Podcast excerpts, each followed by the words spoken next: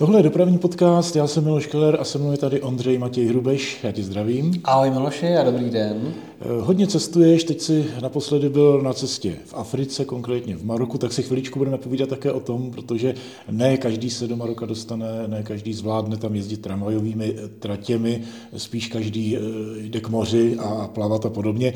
Takže pro ty, kteří právě se zajímají o dopravu, tak by tohle mohlo být i inspirativní a podobně. Tak Maroko, hlavní město je Rabat, je to tak? Je to pravda, my jsme si udělali s manželkou dovolenou na jaře, protože ta Afrika přeci jenom v létě je fajn, když chceš jet k moři, ale na to cestování a na to poznávání je přeci jenom lepší tam jít na jaře nebo, nebo na podzim, kdy tam ta teplota a, není tak vysoká.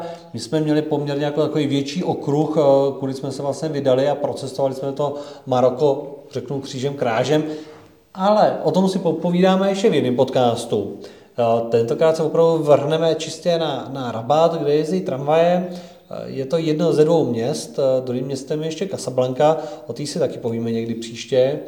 A Ona, ta Afrika je vlastně celkově jakoby zajímavá. Ono se často mluví o tom, že jezdí tramvaje v Kářiře, nebo že tam jezdili, nebo v té Alexandrii, ale pak tam jsou vlastně nový provozy, které jsou vystřela v tom Maroku, kde na základě toho, že tyhle ty státy dřív poměrně hodně kamarádili s Francií nebo ze Španělskem a ten vliv je tam vlastně do, de, do dneška, tak se tam vlastně podařilo zhruba před 10-15 lety zavádět tramvajovou dopravu v těch městech. A ty tramvajové sítě tam vypadají podobně, jako když pojedete třeba do právě Francie nebo Španělska. Tam ten rukopis poměrně hodně vidět. Tom Rabatu eh, žije 650 tisíc obyvatel a on je ještě spojený s jedním městem Salé, je to přes řeku, takže dá se říct, že to jako meziměstský provoz, protože ty tramvaje tam jezdí přes most, kdy uh, obsluhují obě dvě ty města a člověk si toho ani nevšimne, že jede z jednoho města do druhého, protože prostě jsou úzce, úzce navázány, něco jako u nás Nové město, um, Staré město, Malá strana, člověk nepozná, nepozná ten rozdíl. Nicméně, eh, než se dostaneme k popisu toho provozu, není to první tramvajový provoz eh, v, v Rabatu. To je pravda. Ona v historii vlastně jezdila uh, tam uh, parní tramvaj, bylo to vlastně uh, na začátku uh, 20. století, kdy tam jezdila benzínová a parní, parní tramvaj. Ta byla uvedena v roce 1921 a tenkrát spojovala vlastně centrum města s okolními čtvrti, ale ve 30. letech vlastně 20. století už byla zrušena a ukončena. Pak už tam byl vlastně jenom zase ten automobilový, autobusový provoz a ta současná tramvajová doprava, která tam je, tak ta jezdí vlastně od roku 2011. Popiš mi trošku tedy, jak vypadá, možná začněme vozy, jaká vozidla se tam používají? Používají se tam tramvaje Alstom Citadis, myslím 302, jsou tam dvě varianty. To, z toho jsem si všiml až vlastně v místě, protože uh, jak ta Afrika není tak proskoumaná těma šatoušema, tak i když si člověk eh, na začátku dá třeba uh, transport fotoru, server, kde většinou jsou vlastně přehledy vozů a co kde jezdí, tak ani tady nejsou aktuální informace. Je tam uh, na těch stránkách je 44 vozů těch Alstomů, ale ono jich je tam už dneska 66, ale dneska, no ale to už je taky zhruba tři roky, co nakoupili. Takže nejsou tam v tomhle ohledu aktuální věci, takže je vidět, že ani ty tramvajoví nadšenci úplně do Afriky nejezdí na ty tramvaje. Takže 66 eh, vozů Alstom Citadis s tím, že těch prvních 44 jsou obousměrný, oboustranný, a těch 22, eh, co se dodalo pozit, protože se rozšiřovala i ta tramvajová tráť, tak ty jsou obou straný, ale jednosměrný. Ale oni tam jezdí spřažený do dvojic, oba dva ty typy, takže právě proto pro ty nový tramvaj už vlastně ne, ne, nechtěli dělat zbytečně kabiny na obou dvou stranách, protože zkrátka jezdí vlastně spřažený a pak to má nějakých 65 metrů, což je hezký. To je docela úctyhodná délka, to by se u nás asi nepovedlo dát do provozu.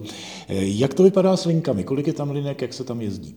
Jsou tam dvě linky, právě eh, tím, že ta sice jakoby rozrostla v roce 2022, tak někdy v roce kolem roku 2020 právě přišly ty, ty další tramvaje. Tady bych ještě vlastně zmínil, že ta souprava, co má těch 65 metrů, tak pojme zhruba 580 cestujících, což je teda opravdu, opravdu dost. Ta síť, když si představíme město Rabat a vedle toho město Salé a mezi tím řeku, přes kterou vede most, tak ta síť zkrátka má dvě vidlice. Jedna vidlice je na jedné straně a druhá na druhé straně. To znamená, přes ten most jedou obě dvě ty linky společně, potom mají ještě úsek, myslím, zhruba pět stanic společných v tom rabatu a pak se zkrátka rozdělí samostatně a, tak, a stejným způsobem to probíhá na druhém břehu. Má to jednu vozovnu a, a tak. V jakém, v jakém intervalu se jezdí? Je to častá doprava, ne to, nebo je to spíše vzácnost? Hřeší se na to, že to má velkou kapacitu? No, řekl bych, že by to mohlo jezdit i častěji. Je to vidět, že to je oblíbená ta doprava, ta tramvajová. Zároveň je poměrně jako taková na úrovni, že si tam člověk připadá jako komfortně, ty tramvaje jsou samozřejmě klimatizovaný, prostorný, široký, já si myslím, že budou mít 2,65, že to je opravdu obrovský koráb, do kterého se nastoupí. A ta linka 1, což je ta původní, tak ta má ráno interval kolem 5-6 minut, dopoledne 9, odpoledne 8. Ale právě už odpoledne při těch 8 minutách je to docela problém. Jo. Pak je sobota 10, neděle 15, i ta neděle byla dost plná už se nám byly neděli, pondělí.